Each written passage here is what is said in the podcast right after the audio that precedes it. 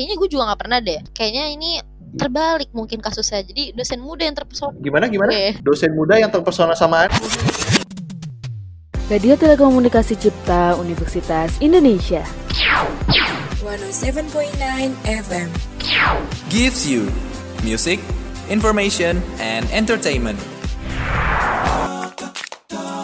Radio mahasiswa itu most sophisticated radio in town.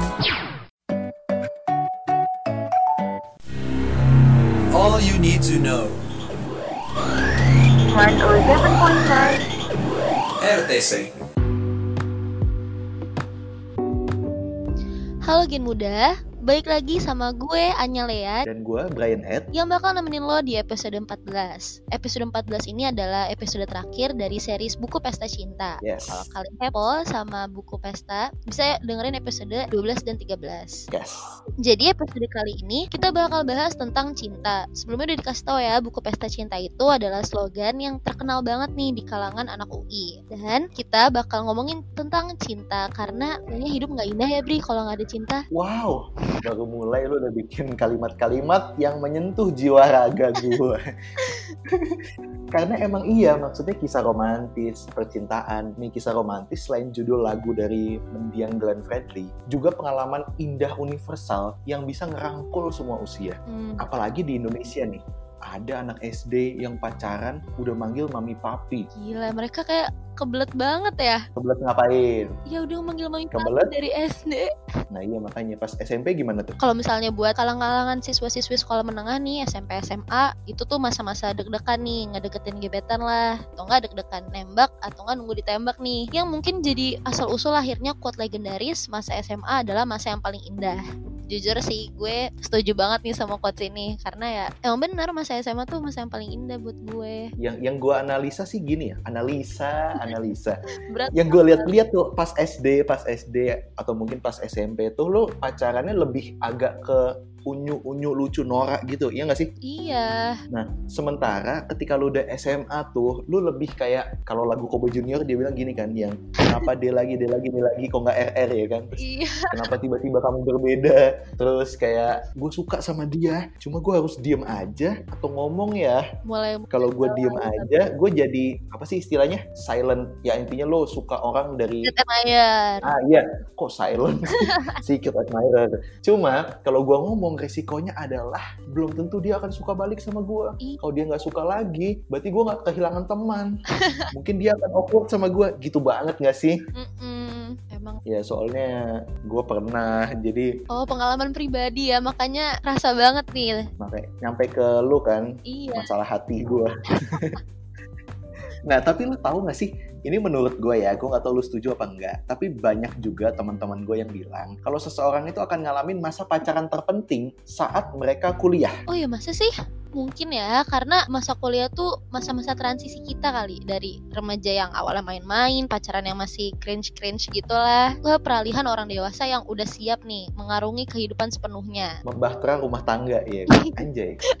Berat banget. Gak usah ketawa-ketawa, ngomong. Berat banget nih bahasa lo ya. Ya, sa- ya sama sih, gue gue setuju kayak balik lagi pacaran itu kan setiap umur batasan umur lu punya pengalaman yang berbeda. Tapi pas kuliah itu bukan cuma jalan-jalan lucu kayak anak SMA, tapi belum juga kayak tahapan serius yang lu bilang tadi, di mana lu menyusun rencana untuk mengarungi bahtera rumah tangga. Ya mungkin ada aja sih, cuma kayak Oh ya ya lu masih mencampurkan antara hal-hal unyu-unyu lucu dengan hal yang lebih serius gitu. Nah, kira-kira apa sih menurut lu yang ngebedain pacaran di kuliah sama SMA? Selain itu mungkin? Iya selain tadi yang udah ngomongin ke arah-arah masa depan ya Udah berpikir jauh, udah visioner nih Ah. Sama ini juga gak sih yang ngebedain tuh kalau misalnya di kampus Itu pasti lingkupnya jadi makin gede kan Secara kayak kita kuliah di UI yang penghuninya tuh sabrak-abrek kan Kegiatan akademis dan non-akademisnya itu juga gak kalah banyak Pasti bakal nambahin lingkup pergaulan kita Dan tentunya bakal nambahin referensi gebetan juga gak sih? Gimana? Gimana? maksud gue kayak kalau misalnya anak SMA kan apa sih paling mentok-mentok? Pacarin teman sekelas atau enggak teman ekskul? Biasanya tuh yang terkenal tuh anak-anak basket anak-anak futsal kan. Tapi kalau misalnya di kuliah kan jauh lebih random ya. Secara banyak banget tuh yang pacaran antar fakultas bahkan bukan antar tingkat alias kating Iya kayak tingkat. cutting sama adik tingkatnya kan. eh Iya, gue setuju sih. Gue kan anak FH kan, Fakultas Hukum. Terus emang ya ada lah beberapa yang udah go public dan emang cutting sama adik tingkat. Kalau di tempat lo, di farmasi ada juga? di farmasi sih ada lah ya tapi kayaknya belum yang go public banget sih ya mungkin under radar aja kali ada mereka low key aja low Hmm. key Loki. Nah iya, jadi di episode kali ini kita bakal ngomongin macam-macam kehidupan cinta pada masa perkuliahan. Gue sama Anya bakal ngejelasin dan ngabsenin apa-apa aja sih kegiatan-kegiatan terkait percintaan yang kemungkinan besar bakal lo alamin selama masa kuliah. Yang pertama apanya? Yang pertama nih, kisah cinta yang pasti dialami selama masa kuliah adalah suka sama teman sekelas atau enggak teman seangkatan. Hmm, Biasanya nih, kedok-kedoknya ya gara-gara tugas kuliah lah. Jadi aja cinlokan sama teman sekelas atau enggak seangkatan. Bisa juga kalau nggak gara-gara tugas karena kebiasaan nongkrong tuh sampai sore bahkan sampai malam tuh. Yang tadinya di kampus pindah lagi tongkrongan, nongkrong di Oh, kos. di kafe. Ya bisa atau enggak Iya. murce murah-murah lah di kutek gitu. Iya. Heeh. Atau enggak Sampai agak malam tuh. Iya, atau bisa juga kerja kelompok yang sampai malam yang lo tau lah Bri ujung-ujungnya apa. Apa? Jangan aneh-aneh loh. Kalau misalnya udah kerja kelompok sampai malam pasti ntar cowok-cowok nih kedoknya bilangnya mau dianterin balik nggak? Ya udah deh, jadi sarana modus dia tuh. Siapa nih yang Terus pernah? mau dianterin iya Siapa mau yang dianterin balik nggak terus ceweknya kan udah malam nggak enak nolak kan kayak ya udah iya boleh Ya. nah cowok tuh dalam hati berdegup kan kenapa hatiku gitu juga terus kayak yes masuk masuk gitu terus Masuk mana tuh? nganter. Hah? masuk mana tuh? Masuk sasaran ya. masuk masuk masuk iya kayak wih luluh luluh gitu Iya. anda tolong jangan memancing-mancing kata-kata saya menuju arah yang tidak-tidak ya Iya Bri, kita harus ngurusin ya. Bisa cewek-cewek juga ya abi ya awal cewek-cewek tuh bukan main iya iya aja ya emang karena males lah keluar ongkos buat gojek ya mendingan dianterin aja ya tapi jadi mending nyari cowok yang mau jadi gojek kan? Tapi cowok-cowok suka pada GR sih menurut gue langsung deh baper gara-gara kita iyain cuman perkara ngeiyain dianterin balik siapa ya nih udah ya siapa nih diantar agen Ayo, muda gen muda, gen muda yang dengar semua silahkan mengaku Anda siapa laki-laki yang terlalu senang yang GR kalau ada cewek yang mau dianterin pulang padahal dia hanya ingin hemat uang jajan. Betul. Yang kedua ada lagi kalau tadi kan sama teman seangkatan nih. Hmm. Kalau yang gue tahu di masa kuliah tuh mungkin banget lu terpesona sama kewibawaan kakak tingkat. Jadi kalau baru lulus SMA gitu kan biasa banyak mahasiswa baru maba-maba. Iya. Yang pas masuk kuliah culture shock kayak ngeliat kakak tingkat wah keren banget. Lu ngeliat cutting kayak wih ganteng banget. Ini biasa cewek sih. Hmm, cuma gue nggak tahu ada cowok yang naksir sama kakak tingkat cewek nggak ada aja sih. Ada. Tapi mostly cewek-cewek yang mengidolakan kakak tingkat kayak yang dinilai ih dia dewasa banget.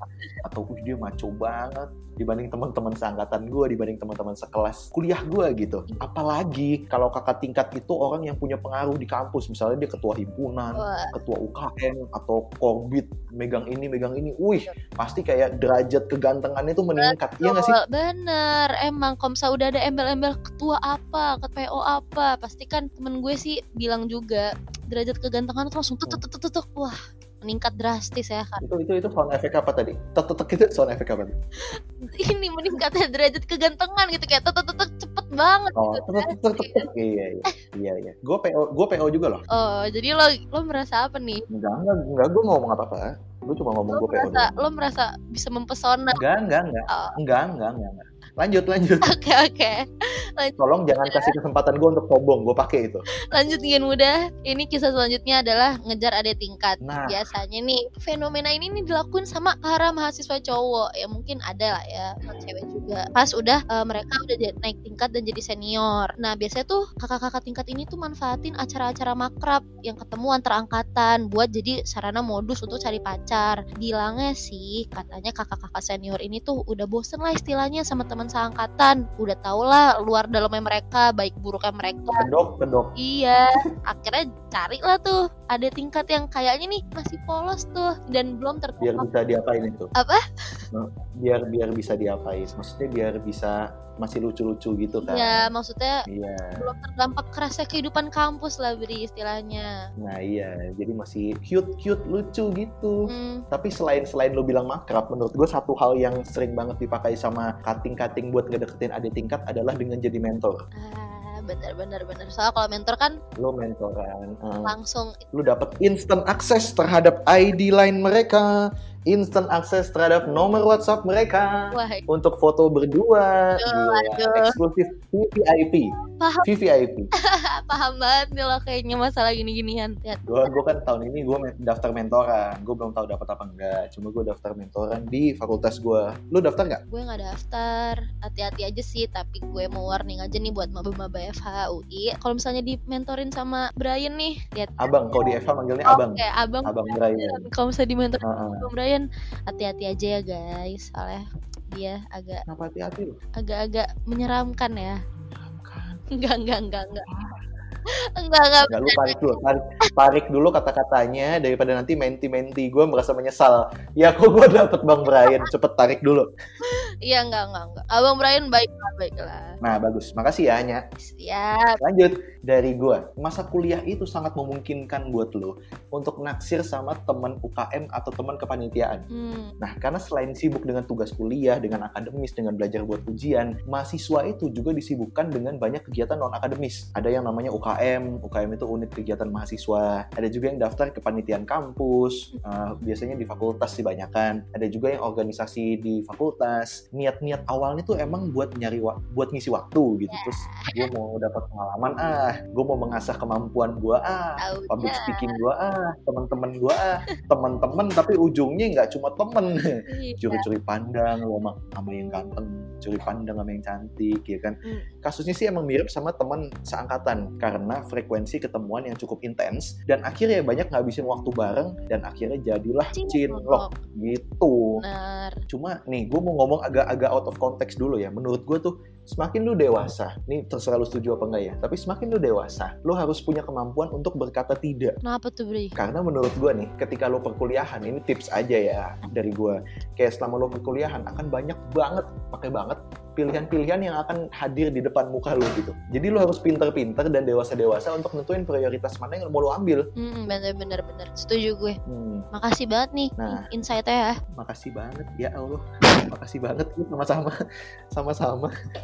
Nah, tapi ini ngomongin soal frekuensi waktu ketemuan yang akhirnya mendorong jatuh cinta. tuh Lo tuh setuju gak sih soal kata-kata cinta pada pandangan pertama? setuju sih soalnya gue gue ngalamin juga sih cinta pada pandangan pertama kayak ya nggak tahu sih ya kalau misalnya orang-orang bilangnya itu klise atau apa tapi menurut gue itu beneran ada sih ya.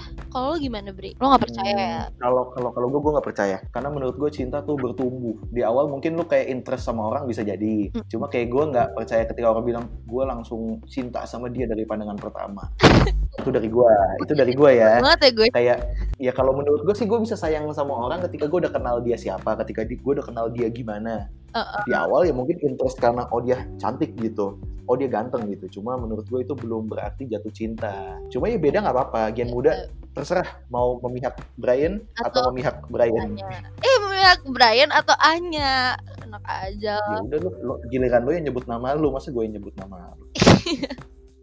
Oke lanjut lagi Gen Muda. Selain naksir sama teman UKM Apalagi UKM di UI banyak banget ya. Banyak banget. Bisa juga naksir sama teman beda fakultas atau prodi Nah kalau ini selain kenal dari UKM atau panitiaan Yang banyak banget bejibun banget di UI bisa juga nih karena dicomblangin sama temen dari fakultas-fakultas lain. Awalnya cuman ya jaim lah kenalan. Gue siapa hai gue ini gue ini eh terus nongkrong bareng lah. Tau lah lo ujung-ujungnya. Nggak nutup kemungkinan kan buat numbuh bibit-bibit cinta di antara kalian berdua. Betul betul. Kan bibit itu mulai dari kecil betul ya kan?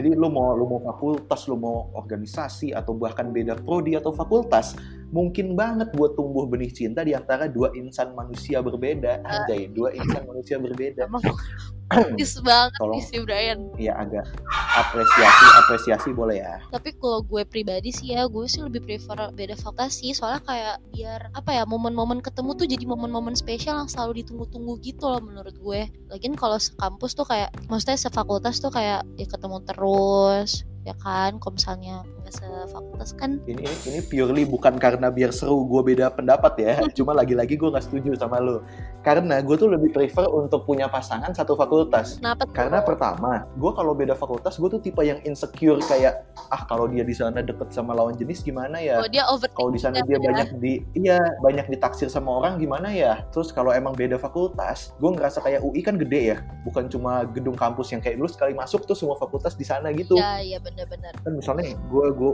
FH di depan terus gue pacaran sama anak MIPA gitu kan agak jauh gitu. Terus masa gue tiap kali mau ketemu makan siang harus lari siang? Ya kan bisa. Nggak mesti harus ketemu terus lah. Kayaknya lo tipenya yang nggak bisa lepas banget ya. Lo emang clingy banget nih gue nggak kayaknya. bisa gue nggak bisa LDR ya problem lah ya. Kalau misalnya overthinkan itu problem Problem. lah ya punya pacar yang parasnya ganteng dan cantik. Jadi lebih kayak gue gitu ya. Di pede lo ya.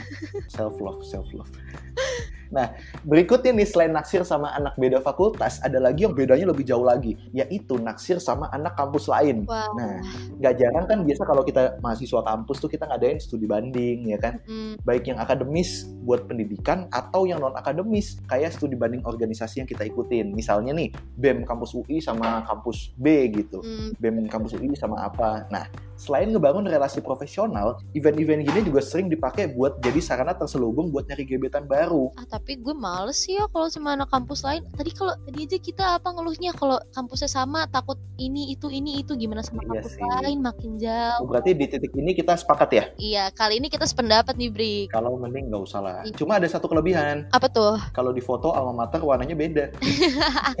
biar warna-warni ya iya. Misalnya kuning sama biru. Bagus kan? ya aja sih balik lagi tadi Bri gue Tapi tapi gue enggak lah. Gue Ah, gue juga skip banget lah. Gak sanggup gue LDR tuh afeksinya gak kerasa. Ya maksudnya kalau lu LDR jauh nggak pernah ketemu kan nggak bisa ngapa-ngapain kan. I- Maksudnya ini nggak bisa makan bareng gitu. Oh iya, iya bener. Ah, Gak bisa. ah, tutuy lah. Tutuy itu pacaran maksudnya. Bahasa gaul. Apa apa? Tuh tutuy? Tutuy itu dua Tuh dua. Dua-duaan Tutuy. Nggak nggak nggak nggak apa. Ejaannya T U T U Y. Ah iya. Gen muda Nggak. itu Pertanyaan gue nih, lu lu gaul di mana? Eh, I- Anya, Ini Anda bergaul di mana? Menemukan diksi tutuy.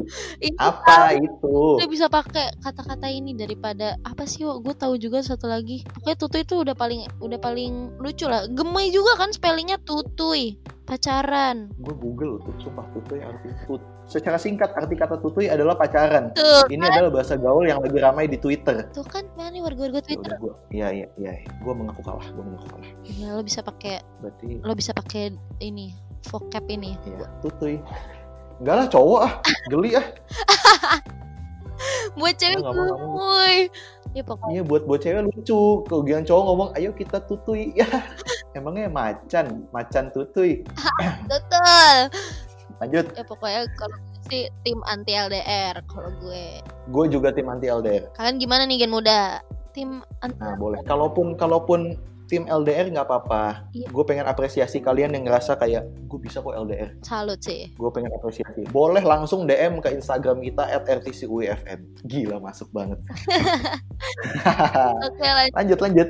Kisah selanjutnya ini Cinlok sama teman kelompok kerja praktik atau KKN. Mungkin kalau kisah yang satu ini masih terlalu jauh ya gen muda apalagi eh, gue juga masih semester 3, masuk semester 3. Brian juga masih semester 3. Mungkin ini yang udah ngalamin tuh yang udah tingkat-tingkat mau lulus. Hmm. Karena selain mendapat pengalaman kerja sesuai bidang studi, banyak juga mahasiswa ini cinlok nih setelah ikut kerja praktik atau KKN ini karena sering ketemu lah, terus interaksi terus kan selama selama berbulan-bulan. Lama-lama ya wajar lah kepi- kepikiran juga sama teman KKN-nya. Eh jadi suka beneran deh. Tapi sih biasanya hubungan ini bertahannya pas KKN-nya aja. Gak jarang juga sih kalau misalnya berlanjut sampai pelaminan. Soalnya kan udah tingkat atas kan, berarti lebih visioner lagi, lebih jauh lagi mikir. Iya. Bener. Eh bisa Di pelaminan ngapain tuh biasa? menikah lah Pena- pelaminan Iya. Iya. menikah Enggak maksudnya biasa aja dia tukang catering gitu kan bisa. enggak dong Kayak mas ini gitu. setting. Enggak berarti kalau di pelaminan tuh nyanyi lagu-lagu romantis gitu kan. iya Kayak marry me aja. merdu banget ya gen muda Lu, lu, lu jangan baper ya, jangan baper ya. eh enggak lah tenang aja Tenang. Ya udah gue lanjutin. Today and every day. mentang-mentang tenang Iya. aja dilanjutin Ya makanya udahlah jangan dipuji. Nanti gue lanjut. Marry me. Tuh. Udah gak usah dipuji lagi. Gak usah dikomen. Oke. Emang Oke. Brian ini show off banget ya anaknya gen muda. Biarin aja. Lanjut Bri. Yaudah. Ini terakhir dari gue. Terakhir juga dari kita kan? Iya bener. Nah, yang terakhir dari kita adalah terpesona sama dosen muda. Aduh. Meskipun, aduh, meskipun mungkin nih eh, cuma sekedar kayak kagum atau crush gitu kayak Ganteng banget deh. ganteng juga ya. Gitu ya. Iya ganteng banget. Jadi semangat ya, jadi tuh ya. semangat belajar deh. Nah iya kayak, nah biasanya tuh yang berakhir sampai pacaran tuh dikit banget. Kecuali kalau lu baca novel atau Wattpad gitu, banyak pasti tuh. Halu halu. Biasanya dia, biasanya mahasiswa sih, eh mahasiswi malah. Cowok tuh jarang naksir sama kayak kakak kelas cewek, eh kakak kelas lagi dosen cewek gitu. Lebih banyak mahasiswi sama dosen cowok muda. Heeh. terpikat sama dosen yang pembawaannya kayak belum terlalu tua deh gitu usianya paling beda belum jauh itu paling sekitar 5-10 tahun gitu kali ya hmm. Nah, terus modus-modusnya tuh biasa kayak nanya soal yang belum di ngertiin gitu. Tapi nanyanya bukan nanya biasa angkat tangan, Ah betul. agak-agak kayak Pak saya nggak pas selesai kelas gitu, Pak saya tidak paham. Jadi lebih lebih ini ya, lebih intim ya karena lebih berdua aja nanyanya ya. Oh ya bisa bisa gitu, bisa nggak juga tapi Yang manfaatin kesempatan itu kayaknya buat dongkrak nilai kali ya, Bri. pengalaman banget ya kak. Enggak, kalau di farmasi mah dosennya pada ya sudah lan- sudah berumur lah ya. Jadi gue gak, nggak relate sih sama kisah yang ini. Kalau di Eva emang gimana dosen-dosennya? A- ada sih yang masih agak muda ada, cuma biasa bukan mata kuliah yang penting gitu loh. Karena kalau mata kuliah yang penting banget dosennya kan emang yang udah panjang, udah lama Betul. gitu. Cuma kalau yang misal mata kuliah mata kuliah secondary yang masih agak baru, masih agak muda tuh biasa banyak dosen muda. Cuma gue sih bukan orang yang pernah naksir sama dosen muda sih. Oh lo nggak pernah ya? Kayaknya gue juga nggak pernah deh. Kayaknya ini terbalik mungkin kasusnya. Jadi dosen muda yang terpesona. Gimana gimana? Gue. Dosen muda yang terpesona sama anda? Aduh ini nggak lagi yang muda. Oh, enggak loh. Aku aku bercanda. Kita ternyata udah sampai ke kisah terakhir tadi ya, kisah cinta yang pasti dialami selama masa kuliah nih Bri. Nah iya bener. Oke. Kita rekap dari awal gimana? Boleh? Yang pertama itu dari lu tuh apa tadi? Suka sama teman sekelas atau seangkatan. Oh ya gue juga baru inget nih. Nah Ini berasa banget Apa? nih. Ternyata eh, soalnya di fakultas gue udah ada dua couple nih yang jadian. Jadi emang kalau lebih kalau misalnya sekelas sama seangkatan kan lebih intens kan ketemunya. Jadi ada bukti nyatanya kalau di fakultas gue terjadi nih dua couple ternyata udah jadi gara-gara sekelas sama Nah. kayak yang tadi gue bilang yang kedua adalah terpesona sama kewibawaannya kakak tingkat di FH juga gue ada ada bukti nyata kalau ada yang gue publik tadi kan gue udah bilang kan Mm-mm. nah yang ketiga apa tuh Selanjutnya ngejar adik tingkat. Ini juga ada sih di fakultas gue, cuman ya mereka low key aja, nggak gue publik kayak kasus low, lo tadi. low low Kan dia emang latah banget gen muda, apa-apa nyanyi gitu memang penyanyi kan. low low low Lanjut Bre, nyanyi terus yang berikutnya ada juga ketika lo naksir sama teman UKM unit kegiatan mahasiswa atau teman kepanitiaan lo sering banget ini kejadian lo cinlok cinlok karena intensitas bertemu iya, betul. Lalu selanjut lagi naksir teman beda fakultas atau prodi. Nah, ini tadi ya. Contohnya adalah temen gue. Banyak lah yang kayak gini, bukan cuma temen gue. Temen lo pasti juga ada lah. Hmm, ada sih cuma gue nggak bisa bilang banyak gitu ada Ada. Yang berikutnya ada juga ini lebih lebih jarang lagi sih, tapi bukan untuk kemungkinan nggak ada, yaitu ketika lu naksir sama anak dari kampus lain. Misalnya lu memanfaatkan kesempatan studi banding atau atau lomba juga sebenarnya bisa sih ya, Bisa, bisa. ketika lomba gitu Antar- terus antar eh gue mau kenalan dong gitu. Bisa banget sih. Berikutnya ada apa lagi tuh? Yang selanjutnya cinlok sama temen kelompok kerja praktik atau KKN. Nah ini sih gue asing banget ya di menurut gue soalnya ya masih jauh, terlalu jauh ya tingkatnya. Masih di depan sana ya, belum terasa. Jadi can't relate lah gue yang ini. Hmm, Yang terakhir tuh adalah ketika lo terpesona sama dosen muda. Nah, BTW nih, setelah kita rekap semua, gue baru sadar kalau udah berbulan-bulan nggak kuliah, nggak ke Depok, gue tuh kangen kuliah, kangen suasananya kuliah gitu sih. Sama banget. Aneh ya, kangen kuliah padahal pas kuliah kita pengen Males. "Oh, libur capek kuliah tapi ternyata Iya. kangen memang. Semoga Semua kata rindumu. aduh nyanyi lagi dia gen muda. Sabar ya gen Ya muda. ya udah, terima aja. Hanya sabar ya.